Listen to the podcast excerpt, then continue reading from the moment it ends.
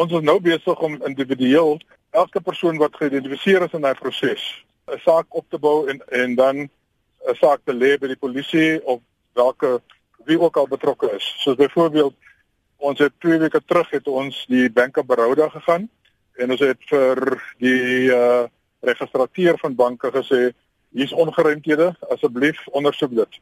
Verlede week het ons vir vyf Mutambe aangevat of 'n hoogverraad en vandag is dit Johannesburg en binne volgende 3 dae het ons nog sake en die probleem wat ons het natuurlik is dat ons net klein aantal mense het wat so hard werk. So ons kapasiteit is maar beperk en ons werk so vinnig as ons kan om die sake op te bou en dan oor te handig. Nou julle klagtes teen Mosebenzi Zwane gelê. Watse klagtes is hierdie? Daar is 'n hele paar van hulle want dit het 'n hele paar goed verkeerd gedoen. Maar om van 'n kant af te begin, dis hoogverraad, korrupsie, afpersing, fraud en dan diefstal. Dis die klagtes wat ingedien het en ons het genoeg bewysstukke om dit te staaf. Julle beweer dat um, Sebenzi self betrokke was in hierdie hele um, Gupta sage in Okay, 51 dokument. Toe hy MEC was uh, vir landbou in Vrystaat, het hy goedkeuring gegee vir Estina plaas om vir 99 jaar het die Gupta familie 99 jaar lease gekry sonder enige koste. Dis nie hulle betaal 'n rand 'n maand nie, dis verniet vir 99 jaar. Boonbehalwe dat hulle die plaas verniet gegee het, gee hulle toe vir die mense 180 miljoen rand om die plek aan die gang te kry met 'n verdere bewilligheid van iets in die omgewing van 100 miljoen rand per jaar om die plek aan die gang te kry. En die gedagte was gewees, ek meen dis die teorie, dis die die werklikheid en agterkering wat hierdie is dit heel anders. Want hoe stel jy 'n ITO aan om hoof te wees van die plaas wat niks van agriculture, landbou of enigiets van melkerye weet nie. So ons siening is dat die van die begin af maar net uh, wat smokeskerm is om bloot net om uh, die geld uit te kry. Nou moet jy onthou 30 miljoen rand van die was toe wel op sy gesit vir 'n troue wat in Sandton was. So jy kan nou sien waar die goed voor by mekaar begin kom. So dit was die eerste keer, die eerste geval. Toe hy aangestel is as minister van mynbese, is hy toe oorgevlieg Switserland toe en hy het toe die Optimum myn en dis waar die afpersing vandaan kom.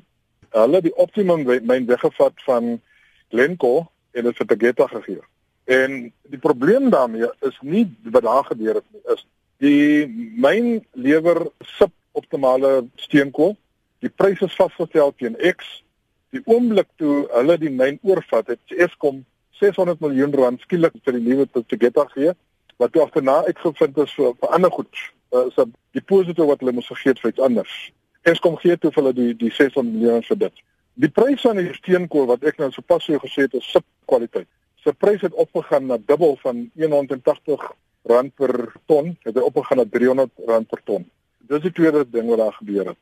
So hier is ongelooflik hoe die man en ek het hom in die uh, persverklaring sê hy's absoluut 'n puppet want hulle sê vir hom wat om te doen en hy doen presies dit. So dis ongelooflik wat die goed wat hulle plaas vind. Ek weet een van die goed wat hy wat hy meer betaling voor kry. Toe hy nog MEC was in Vrystaat, het die Guptas sy hele koor en sy dogter is deel van die koor, het hulle oorgevlieg India toe vir 'n trip. Dis die enigste tyd wat hulle enigste 'n koor oor see gevat het. En dit sê vir ons dat dit definitief onheilige alliansie was. Elke mens wat op wat hulle lisensie kry in Suid-Afrika, moet 'n gedeelte 'n persentasie van hulle inkomste moet op sy sit vir 'n uh, myn rehabilitasiefonds.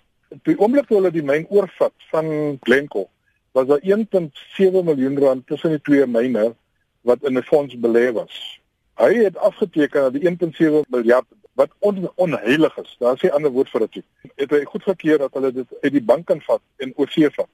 So op die oomblik is daar geen geld in die rehabilitasiefonds vir die twee myne wat betrokke is nie. Nou kan jy indink as 'n myn klaar sy wiele optrek en hulle pak op en hulle gaan na 'n ander plek toe, moet daar geld wees om die myn te rehabiliteer, ook om agter die gemeenskap te kyk wat geaffekteer is. Daar is nou niks geld oor om dit te doen nie. En dit is vir ons absoluut net dit is reg.